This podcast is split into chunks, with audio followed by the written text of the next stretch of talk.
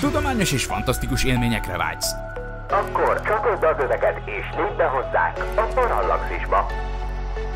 Üdvözlünk a Parallaxis univerzumban! Figyelem! A műsorban spoilerek bukkanhatnak fel. 12 éven aluliak számára nem ajánlott. Az MD Média bemutatja.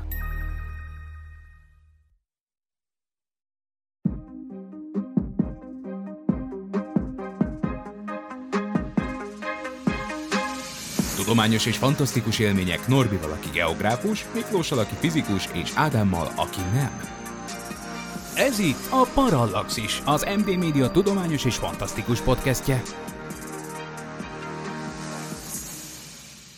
Sok szeretettel köszöntök mindenkit a Parallaxis 101. részében a mikrofonnál, Horváth Ádám Tamás. Ezúttal a Titán AE időszámításunk után című animációs űrszkifiről beszélgetünk majd Barkóci Norbival. Szia Norbi!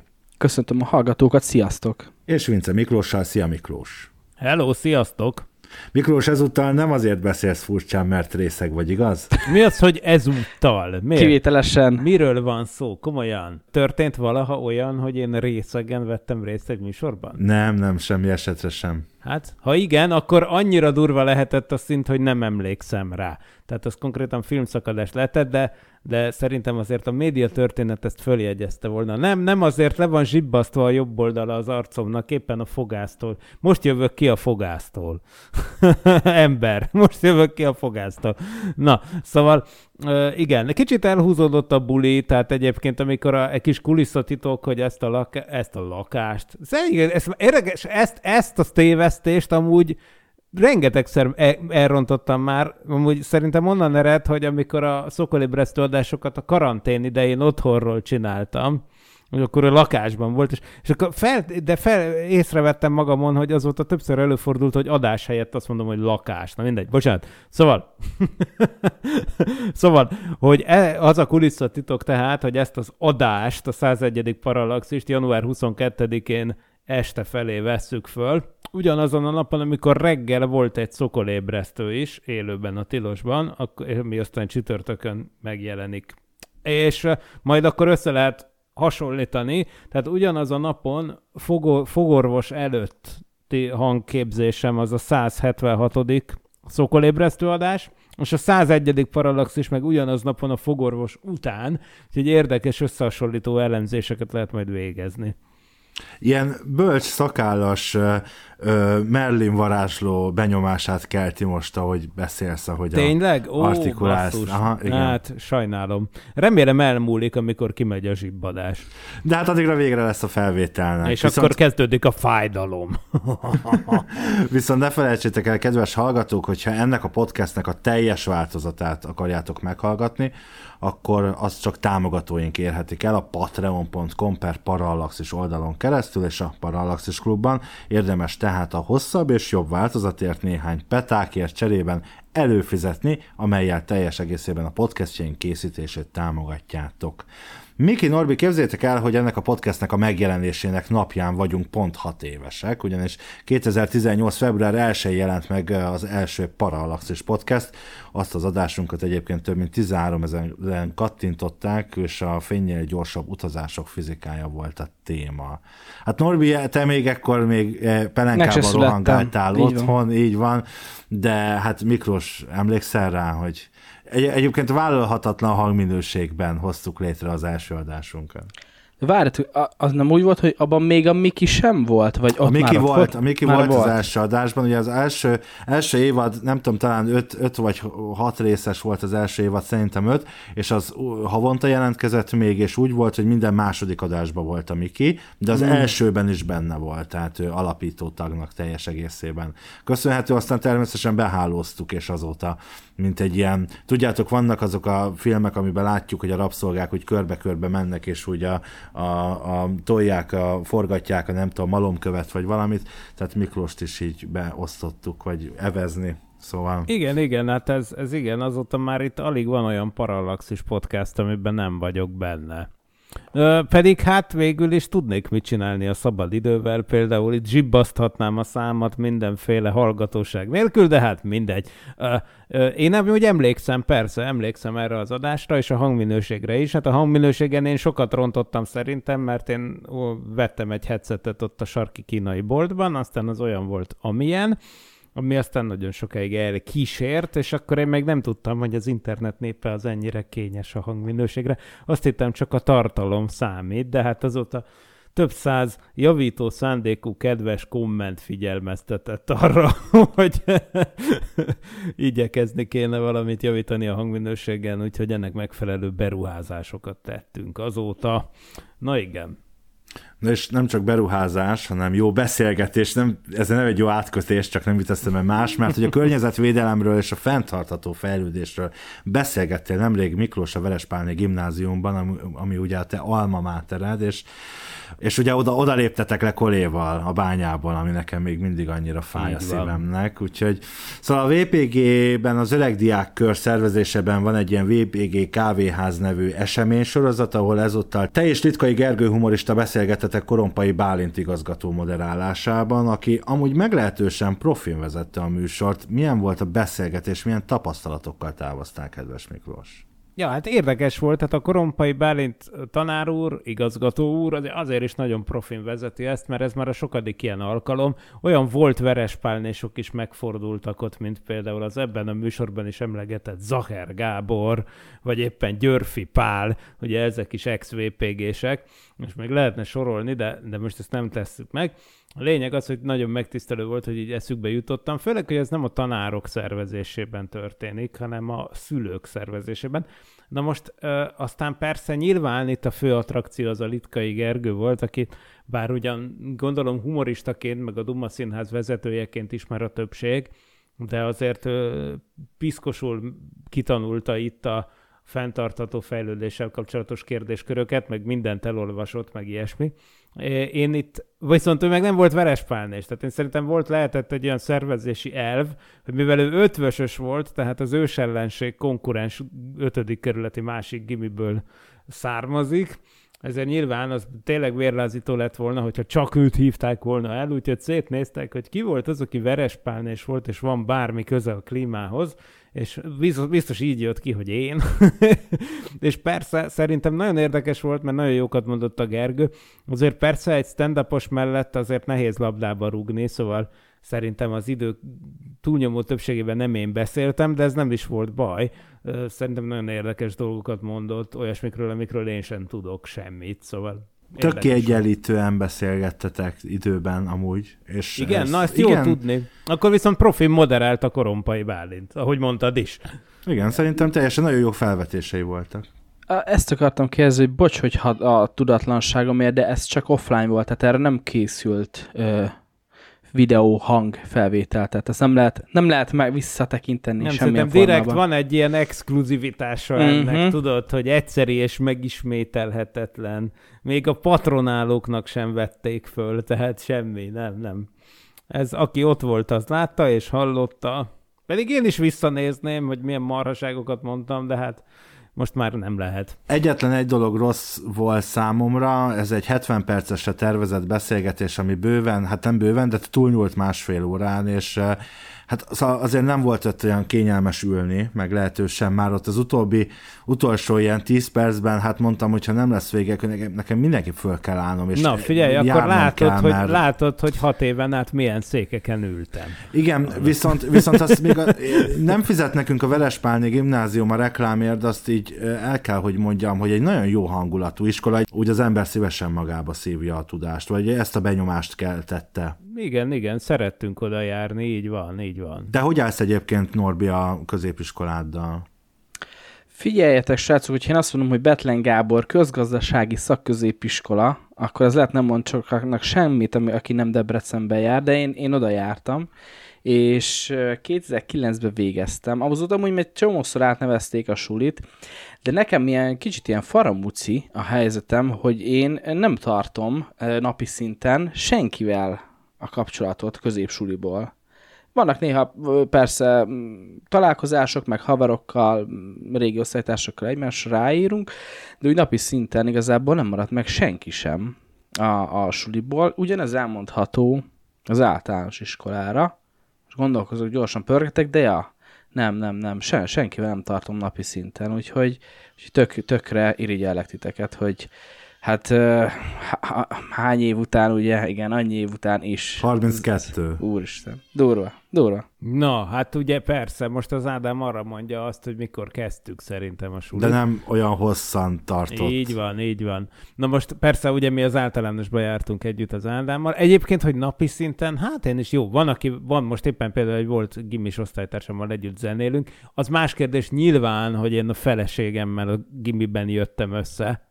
Tehát a, nyilván a napi szinten beszélgetek vele, de Milyen jó fej vagy. ja, hát igen, tudod, a, a, a hosszú harmonikus kapcsolat titka.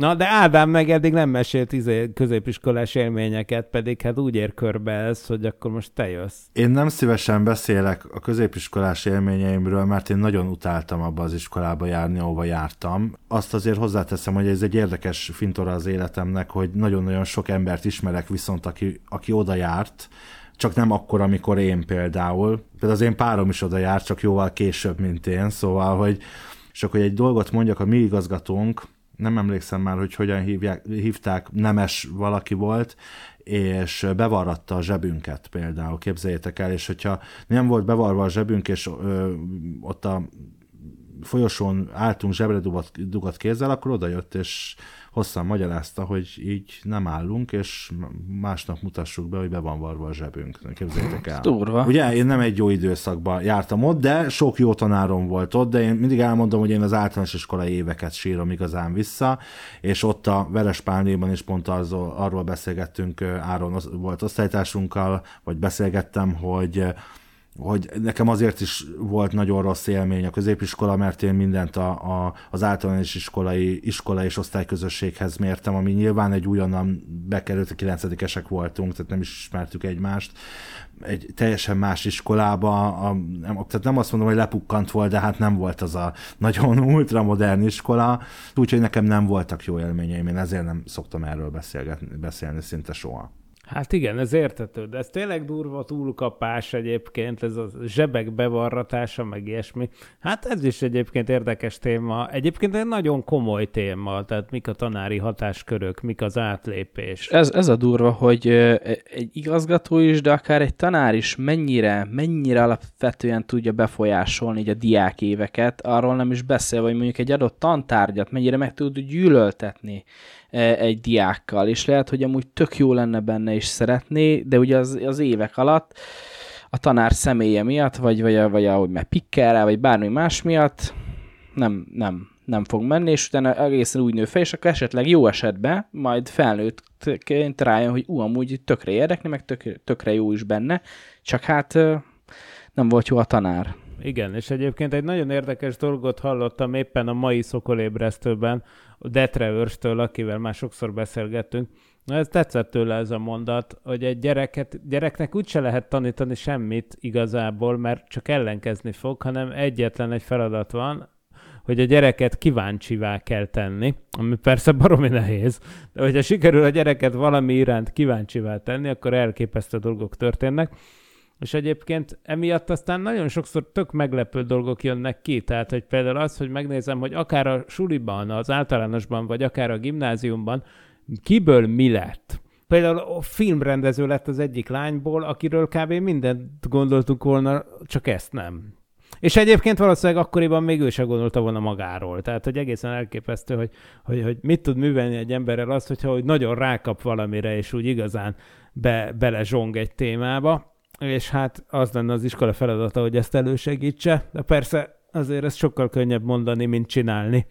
Meg azért gondolj bele abba is, hogy ugye ma 14 évesen kell legkésőbb, vagy 15 évesen kell választanod, hogy mi akarsz lenni, ha nagy leszel, hol tanulsz tovább, és persze elmehetsz egy gimnáziumba, vagy szakgimnáziumba, hogy most hívják, és akkor tulajdonképpen nem kapsz szakmát, csak lesz egy érettségid, és utána tovább tanulsz egyetemen főiskolán, vagy egy akár korábban hatosztályosban, nyolcosztályosban, ahogy te is elmentél, Miklós.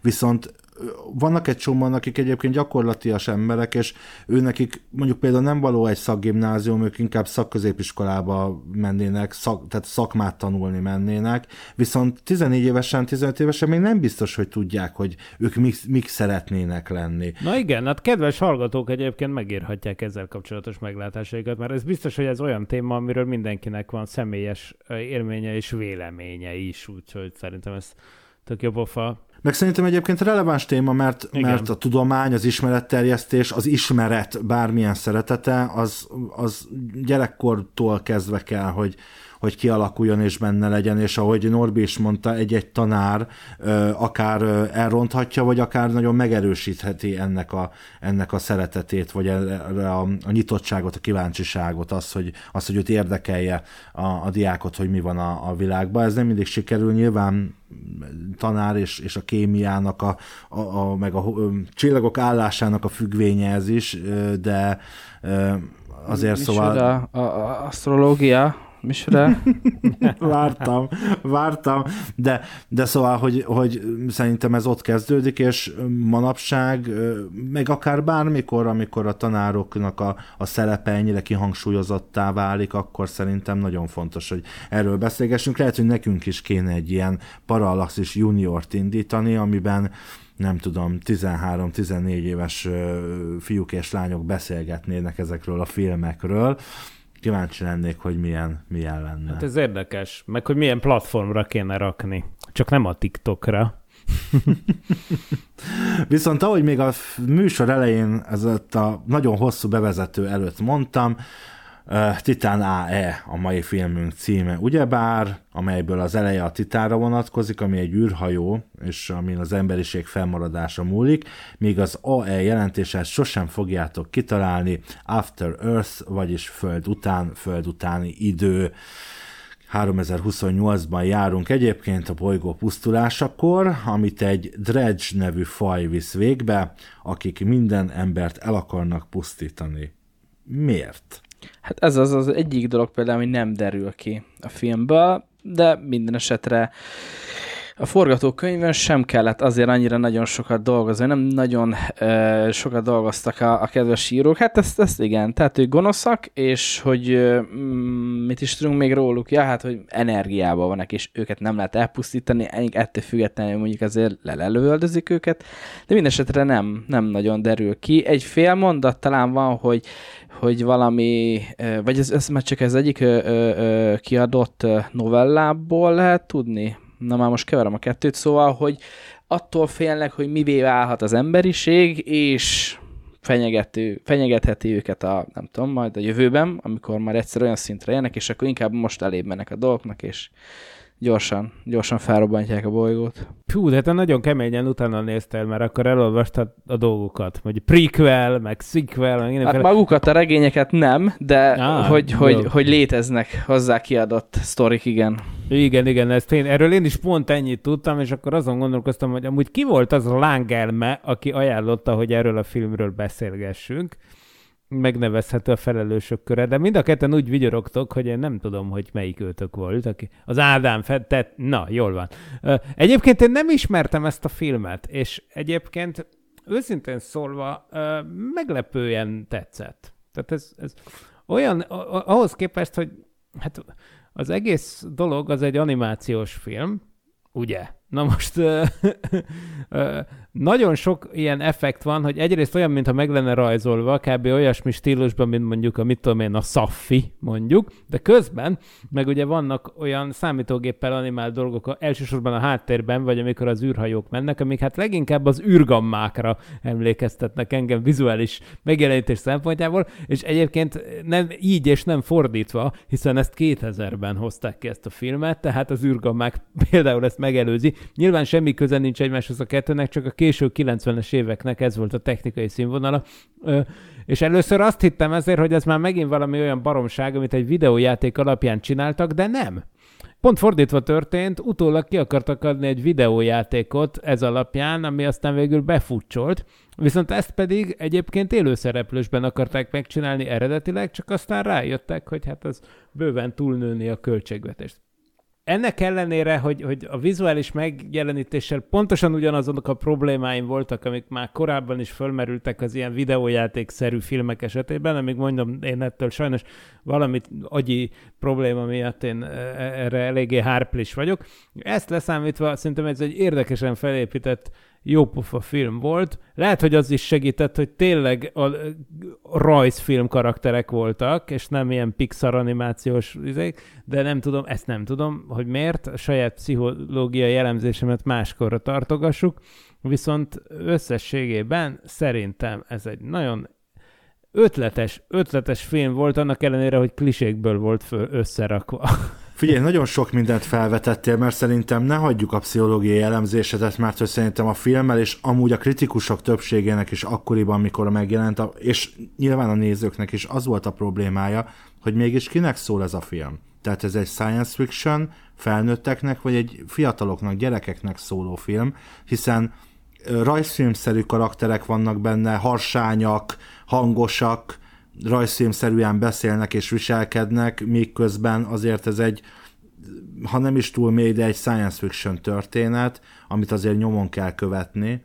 Nehéz ezt azért valahol berakni egy fiókba ezt a filmet, nem? Hogy nem ez a az ellenszenves, mert amúgy meg pont olyan hangok vannak benne, mint Drew Barrymore, Matt Damon, meg, meg Jenny Garofalo, meg ilyenek, tehát, hogy nagy, viszonylag nagy nevek, Bill Pullman, ő a Korzó. És ugye a magyar szinkronban is, mert ugye most az az irányelv, hogy magyarul nézzük meg a filmeket. Borzasztó és annyira... magyar hangokat kaptam. De nem Mr. Garrison hangját én mindig örömmel hallom, aki ott a... Józsa a... Imre, igen. nyugodjék békében, ő ott a szakács, akit egyébként igen. nagyon lőnek benne, Így de van, sajnos. a horrorisztikus.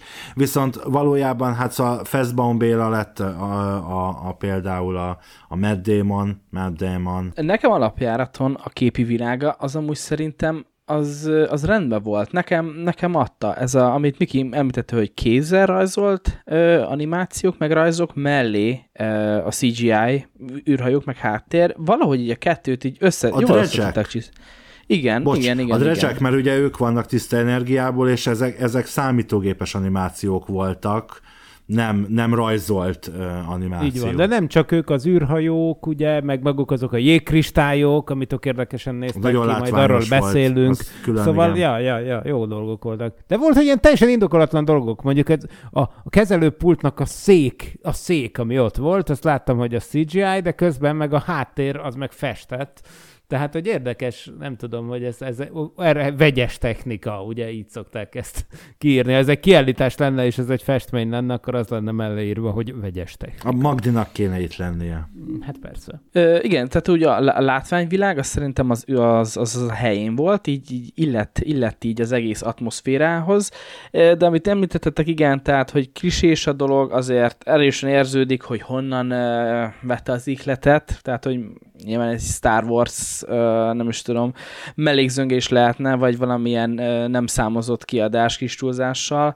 A forgatókönyv meg igazából annyira hát lapos, vagy nekem, tehát az, az volt a legfájóbb amúgy a filmben, hogy, hogy azon még azért kellett, kellett valamit csiszolni.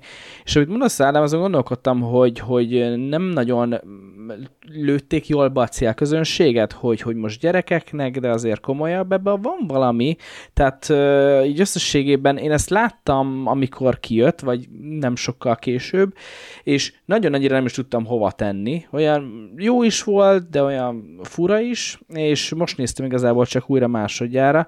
Még fájóbbak voltak ezek a, ezek a hiányosságok filmként egy ilyen, egy ilyen gyenge, közepes, mondjuk, de azért itt voltak benne nagyon erős tudományos hát, hiányosságok, hogy egyszerűen, mivel nem is foglalkoztak, úgy hagyták, ahogy van, és akkor menjünk tovább. Én rögtön az elején is találtam egy ilyet, amikor ott a Kale, a főszereplőnk, Matt Damon, ott elkezdi lemosni a, az ablakát a, a csajnak, úgy csinál, mintha lemosná ott az ablakát az űrben a csajnak, és ahogy a... Érted, az űrben mossa le az ablakát. Tehát, hogy na jó, oké, nem tudom, leporolja mikrometeorit krátereket, lecsiszolja, vagy Törölgeti. Mi? Nem tudom. A rongya, hogy viselkedik, szóval, hogy úgy nem, nem pedig van rajta benne a filmben null gravitáció, meg néhol indokolatlan gravitáció is, amit azért nem fejtenek meg, nem Igen, akarok a végére igen. ugrani, de ott a végén annak azon a, a, az, a titánon ott van olyan gravitáció, hogy honnan jön, az, az rejtély, viszont, viszont ugye itt az elején látjuk, hogy ez egy berendezés. Ami de ez Köbüki esetén- után van száz évvel, tehát ez, ugye? Tehát a Köbüki az egy 30. századbeli rokon volt a mézgáéknál, ezek meg a 31. században élnek. Ahhoz képest a csókának az elején flip telefonja van. Pontosan, így van. Amúgy nekem is, mert ugye én egy kő alatt élek, meg is mutatom a hangját. Kinyit becsuk. Ugyanilyenje van. Legmenőbb. Ne, Na jó. nekem is amúgy ez, ez feltűnő volt, hogy még a legelső jelenetek, tehát amikor még a Földön vagyunk, és még nem pusztították el, spoiler Mondja, alert. mondja a tíz éves gyerek, már most múltam négy. Igen, tíz igen, igen. éves gyerek volt. Ja. Na igen, szóval Ja. hogy akkor is már 3000 évvel vagyunk a jövőbe, és kis túlzással majdnem ugyanolyan kis repcsik repülgetnek ott, ott a katonasságon, egy-két jó, több mm, űrsikló, űrhajó feltűnik, de hogy nem azt mondanám, hogy ezer év fejlesztés, és itt járunk, srácok. Szóval, hogy úgy... Mm, Na jó, hát de nem folytonosan fejlődik a történelem. Hát hány visszaesés lehetett abban az ezer évben? Lehet, hogy kétszer visszabombáztuk magunkat a kőkorszakba, csak arról nem szól a film. Lehet. Nem tudom. na jó, de utána meg azért van, hogy ugye exponenciálisan is tud azért növekedni itt a... Ja, például tényleg 16 nap alatt sikerült terraformálni egy nem Igen, létező de, igen, bolygót. de még ne ugorjunk a végére, mert, mert Jó. inkább arról beszéljünk, hogy, hogy ugye a, a, a csávónak kap egy gyűrűt. Van egy gyűrűje, a Schwarz energiájával szerintem, Ú. szóval űrgolyhók, ugye ott is van Bill, kéne. Bill Pullman, az is lesz amúgy White szemben Mhm. hamarosan. Az, azt én nem is értem, oké, az egy térkép, meg ott a DNS-ével működik, de hogy szóval Szóval erre alapozni egy négy évesnek, magát négy évesnek tartó tíz éves kisfiúra, vagy nem, nem, szóval nem teljesen értem, hogy itt, tehát a cselekményt szeretném. Én azt kérdeztem a páromtól, aki egyébként nagyon szereti ezt a filmet, hogy mégis mi a, tulajdonképpen mi a cselekménye ennek a filmnek. Nyilván értem az A pontból B jutást, de hogy egy ilyen szombat délelőtti rajzfilm Az. történései Az, az vannak abszolút. benne. Így van, így van. Ezt a, televide, ezt a ilyeneket a televideó adott ki a 90-es években. Igen, tehát nekem is ez jutott eszembe, hogy így gyerekkoromban biztos elszórakoztam volna ezen egy, dél, egy délelőtt, egy szombat délelőtt. Pontosan ugyanez fogalmazódott meg bennem. Igen. Tehát én annak idején természetesen nem néztem meg ezt moziban, tehát hogy mielőtt rám vetülne a gyanú árnya, nem. De akkor talán tényleg úgy éreztem volna, hogy hát ezért, ezért, ezért kiadni azt a 750 forintot a kőbánya moziba, nem, nem. Szerintem ezt nem is vetítették a kőbánya Valószínűleg moziban. nem. De főleg 2000-ben én már nem is jártam arra, mint tudjuk. Ja. Na jó, beszéljünk akkor egy kicsit a, kicsit a tudományról. eh, A, a, Hát nyomokban tartalmaz ilyet a film. Ugye érdekes dolgok vannak benne. Vannak itt hidrogénfák, meg hát meg az egész dredge, dredge, dredge fajnak az a, az a tiszta energia alapon működő lények. Nem, tehát nem csak az űrhajójuk, hanem ők maguk is. Akkor ezek szerint? Uh-huh. létezhet-e egyébként valami élőlény tiszta energiából? Hát ugye most itt a tiszta energiát nem a Litkai Gergőféle értelemben értjük, hanem valahogy, hanem hát a tiszta energia az a fény. Tehát igazából a kérdés az, hogy, hogy léteznek-e fénylények? Hát ez nyilván én szerintem nem.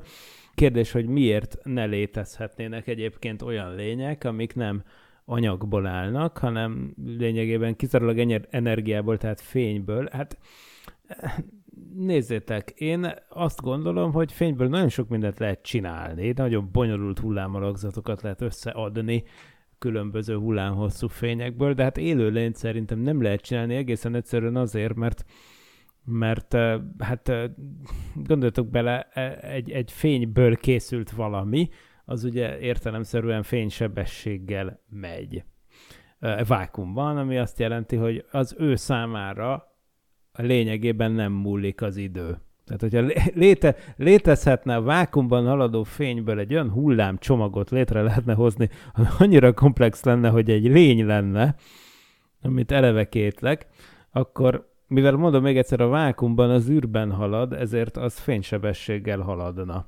Hiszen úgymond a fény az a vákumban nem diszperzív, ez azt jelenti egyébként, hogy nem az van, hogy a fény hullámokból összerakott csomagocska esetleg lassabban tud menni, mint a fény, hanem annak kutya kötelessége lenne fénysebességgel haladni, de viszont a fénysebességgel haladna még egyszer, akkor nem múlna számára az idő akkor meg egyáltalán miről beszélünk, vagy milyen kölcsönhatásban, tehát milyen módon tudna bármit csinálni velünk ilyen értelemben, hogyha neki nem múlik az idő. Szóval ezt egy kicsit nehezen tudnám elképzelni, de az biztos, hogy semmiképp sem úgy néznek ki, mint ezek a lények, amiket itt láttunk. Vagy ők mást hisznek, amikor azt mondják, hogy tiszta energiából álló lény, de azt viszont én nem tudom fizikusként másképp interpretálni. Tehát, hogyha valami tiszta energiából álló anyag, akkor én azt bizony úgy gondolom, hogy az a fény. És mondjuk egy kristálylény, amiben ez az energia látható, és, és ez maga az élőlény. Mert ugye amikor szétlövik, akkor látjuk, hogy ilyen, mint egy ilyen kristályok lenne. Igen, igen, inkább kristály van, és akkor, hogyha túllépünk ezen a dumán, hogy ez egy tiszta energiából álló lény, mert mondjuk ők mást értenek az alatt, hogy tiszta energia, akkor persze, tehát kristály lényeket egyébként miért ne lehetne elképzelni? Mikrobiban is van ilyen. Hát például, úgyhogy ezzel be is bizonyítottuk tudományos szempontból.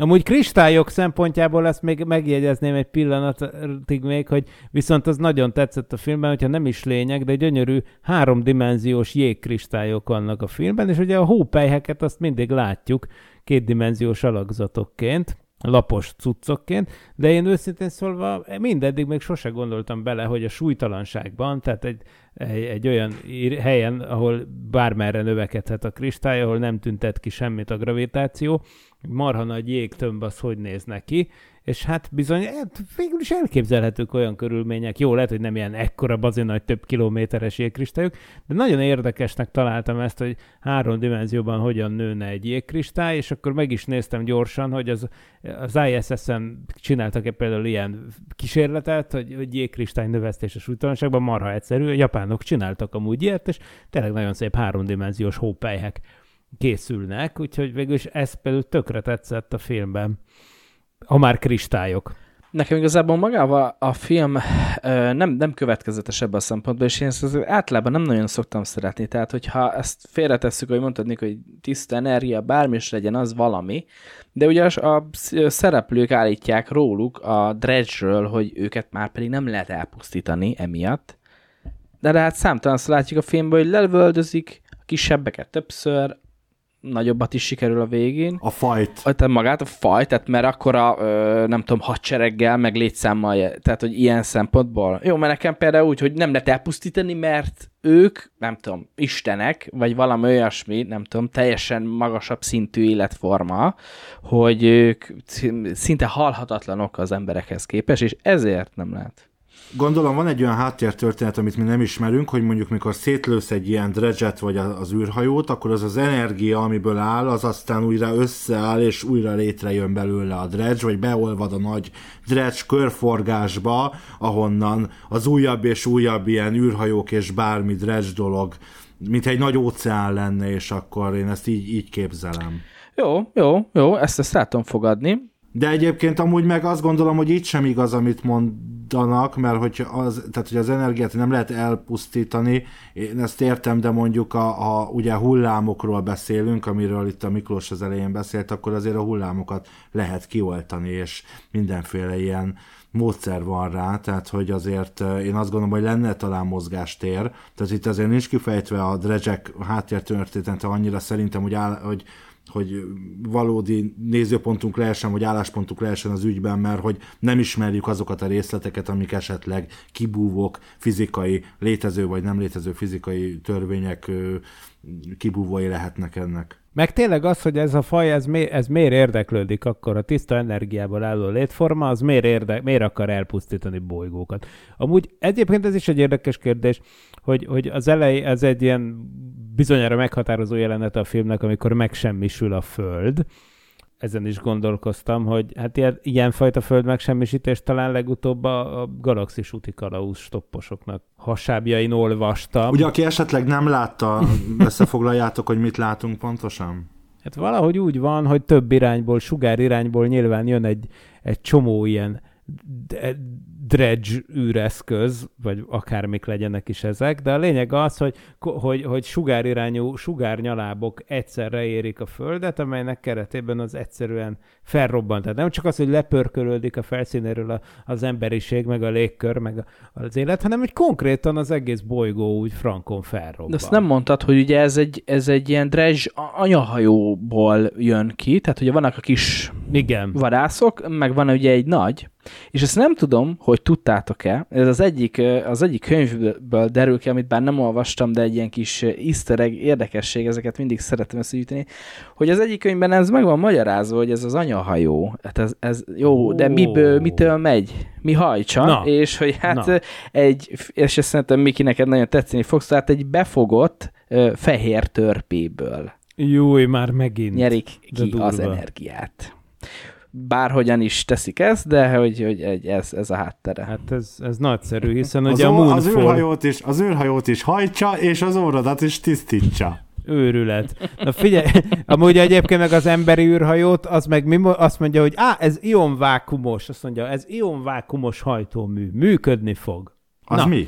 Nem tudom, ezen gondolkoztam. Az nem lehet az Nem ion tudom. hajtóműnek valami fura megnevezése? Mert hogy ion meg vákum az úgy... Na, ja, jó, oké, hát ez igaz, nem? ez igaz, jó. Hát ha az ion hajtóműről van szó, akkor az ion hajtómű az egy remek hajtómű, nagyon, nagyon hasznos, az létezik, tehát végre valami, amiről tudok beszélni, csak nem tudom, hogy erről van a filmben szó. Nem, hiszen a filmben óriási tolóerőt fejtenek ki ezek a hajtóművek, ezzel szemben az ion hajtómű az arról nevezetes, hogy a tolóereje az pici, hiszen az ion hajtómű az nem más, mint lényegében egy, egy, egy hát egy elektromágnes tulajdonképpen, egy, ami felgyorsít részecskéket, töltött részecskéket, amiket kilök hátra a, a hajtómű, és a hatás elehatás elve alapján löködnek előre. Na most nyilvánvaló, hogy itt az az impulzus, amit képviselnek a hátra lökött, töltött a, a, atomocskák, azok a jelen használatos ionhajtóművekben, azok nem fejtenek ki akkora tolóerőt tényleg, tehát a tolóerő a jelenleg használt ionhajtóművek esetében, amiket már hébe-hóba ráraknak űrszondákra, az nagyon pici, körülbelül annyi, mint mondjuk egy, egy Newtonnál nagyobbat szerintem még sose értek el ilyennel, tehát ez olyan, mintha mondjuk e- izé, e- egy, egy tized kilónyi súly, ugye? Tehát ez nem, az nem sok. Viszont azért nagyon menő az ionhajtómű, mert ha sokáig működik, akkor mégis ez a ki, hát ha folyamatosan évekig akkor hat egy ekkora konstans gyorsítás, vagy akár csak hetekig, akkor azzal óriási sebességet lehet elérni. Na de itt nem ezt látjuk, amikor azt mondják, hogy bekapcsoljuk az ionhajtóműt, puf, gyorsan oda is kenődnek. De hát persze még egyszer a 31. században lehet, hogy tök másra használják ezt a kifejezést, nem kell mindent értenünk. Amit viszont nagyon is értünk, és vicces, hogy Matt Damon a Martianból, ugye ismerjük azt a mutatványát neki, amit itt rajz, rajzfilm, vagyis rajzolt módon ugyancsak végrehajt. Amit én már pedzegettem neked, Miki, de te mindig azt mondod, hogy ezt nem lehet csinálni, de látod, hogy meg lehet csinálni, hogyha elég jól kifújom a levegőt? Jaj, nem is, a, igen, nem is az, hanem, hanem a, a, poroltóval manőverezés. Uh-huh. Uh-huh.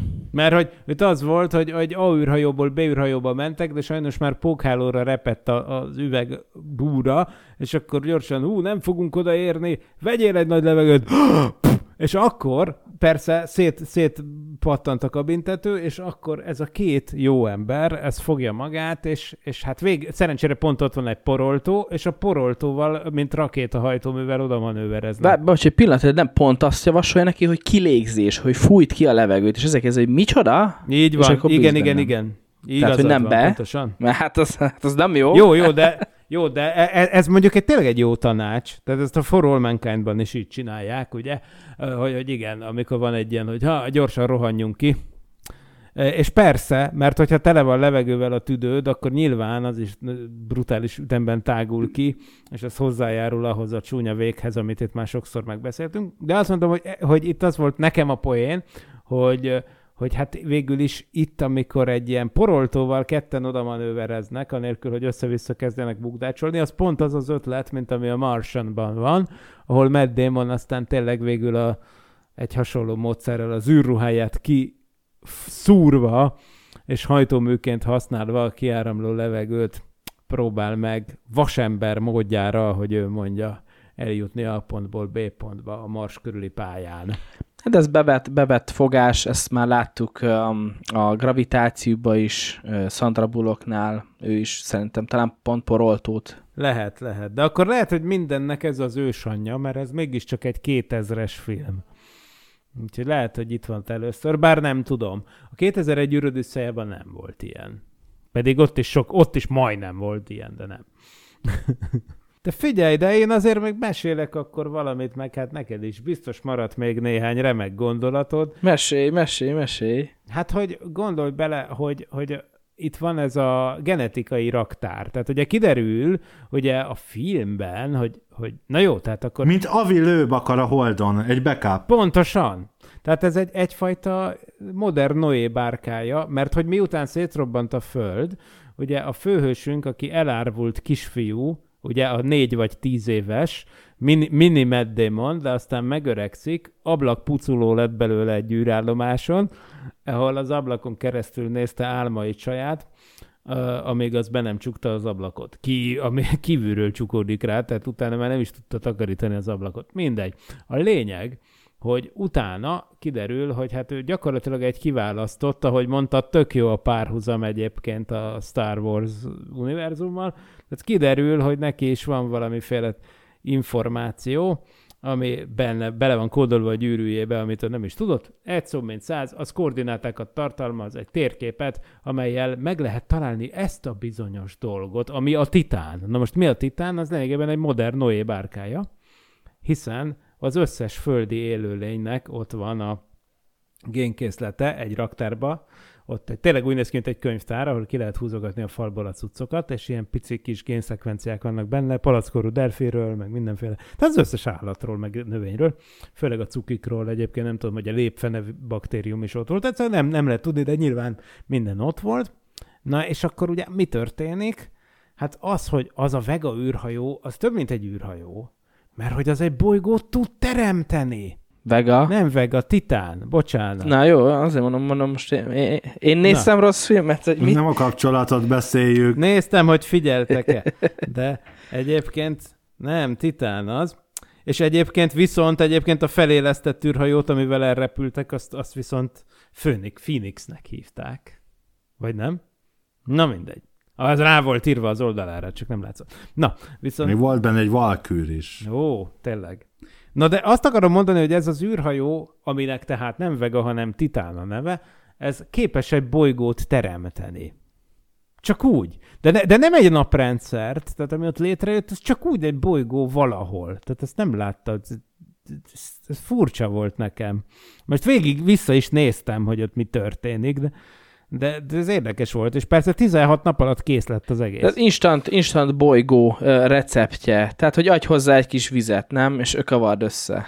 Igen, mert pont ez történik a, ebből, ezekből a jégkristályokból, mint a föld keletkezésekor az üstökösök becsapódtak, és akkor vizet hoztak, és ott látjuk, hogy esik az eső, és akkor arra gondolok, hogy most akkor ennek a fiúnak meg a lánynak kell benépesíteni, ez ők egy Ádám és Éva történet, aztán megérkeznek a földön kívüliek, ami már egy más evolúciót vetít nekem előre, szóval, hogy ott, ott mi történik, vagy, vagy nyilvánvaló, hogy ugye tartalmazza a, ez a, az űrhajó, ahogy mondta a Miklós, ezeknek a különböző földlakó élőlényeknek a különböző genetikai kódját, de én ezt sose értettem, amikor ilyenről van szó, hogy ez, ez hogy történik, ott létrejön egy föld, oké, okay, ezek az anyagok, amikből létrejönnek, ezek a genetikai anyagok ott mindenhol ott vannak, és akkor előbb-utóbb kifejlődik ugyanúgy egy elefánt, vagy szóval, hogy ez hogy történik valójában? Sok skifiben látunk ilyet, amikor egy faj úgy akar menekülni a, a, a bolygójáról, vagy valahonnan, hogy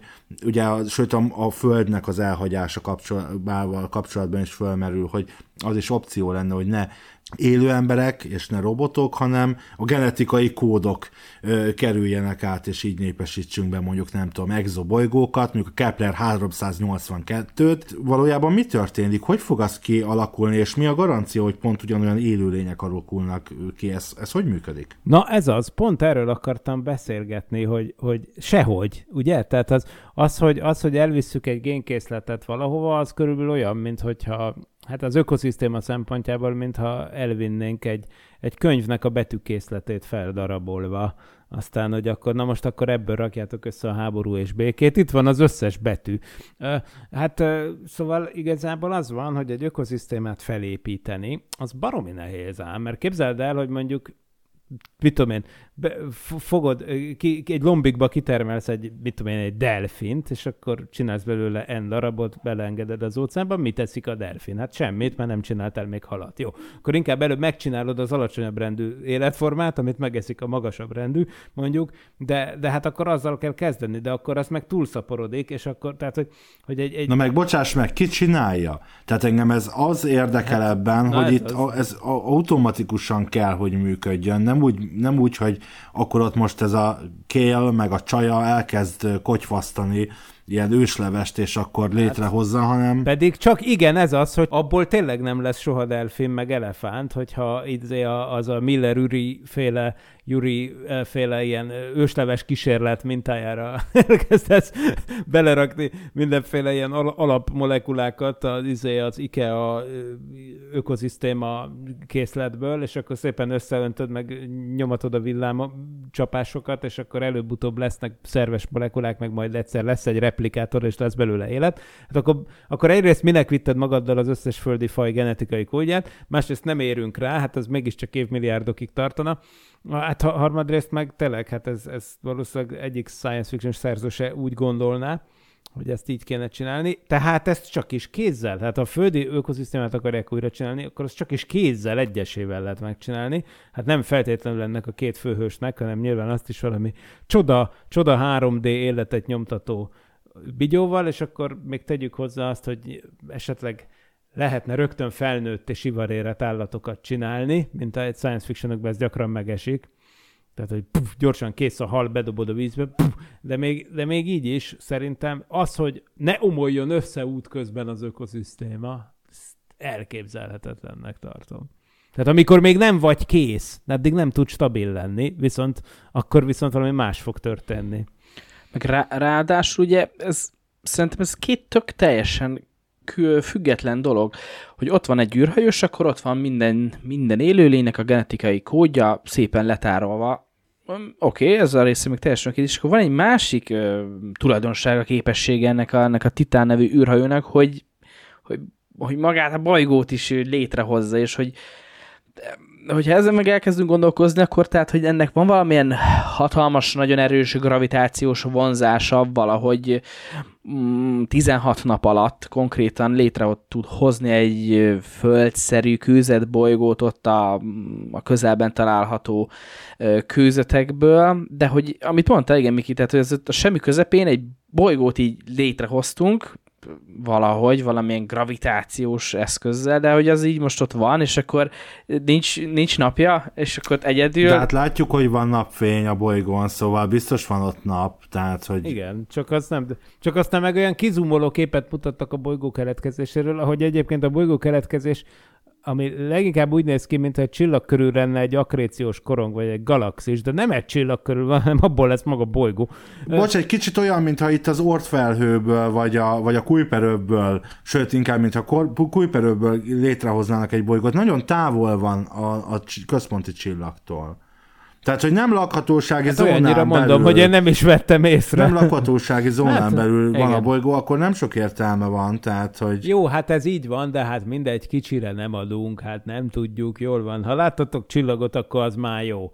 Én nem is vettem észre, hogy van csillag, így ezért kicsit necces ja, Én sem vettem észre, hogy van csillag, csak gondolom, mert világosság volt, mikor a csaj meg a pasi ott a bolygón volt. Na hát igen. Tehát akkor ez, az igen, valószínűleg én is, kell. Én is azt nem értettem, hogy honnan vagy, jön Vagy egy nap kell hozzá, vagy a Truman Show-ból Krisztof. Tehát ez a két választás van, valaki kell uh-huh. hozzá. Viszont, viszont hát gyerekek, nagyon szomorú dolog történt itt most ebben a pillanatban, Micsoda? hogy elérkezett az idő, hogy búcsút vegyünk a hallgatóktól. Kivéve, oh. kivéve, ha a patreon.com per parallaxis oldalon keresztül támogatnak minket, mert akkor bizony most folytatjuk ezt a beszélgetést. Amennyiben viszont nem, akkor sajnos el kell búcsúznunk, mivel ugye véget ért a műsorunk, viszont jó hír, hogy február 15-én már várunk titeket új résszel, akkor a Super 8 című filmet beszéljük ki Miklós, és ha minden igaz, már Géza társaságában, tartsatok akkor is velünk, valamennyi munkatársam nevében köszönöm a figyelmet, további kellemes podcast hallgatást kívánok, és ne felejtjétek, ez a formátum annyira tökéletes, hogy kép sem kell hozzá. Sziasztok! Nem volt elég a tudományból és a fantasztikumból? Olvasd a parallaxis.emtv.hu, lájkold a Facebook oldalunkat, nézd a YouTube csatornánkat, és hallgassd a Szokolébresztőt a Tilos Rádióban. A Tudományos Újságíró Klubja és a Tudományos Ismeretterjesztő Társulat által a Juhari Zsuzsanna díj külön díjával jutalmazott blog podcastjét az MD Media készítette. Kreatív producer Horváth Ádám Tamás. Hamarosan jön a következő rész.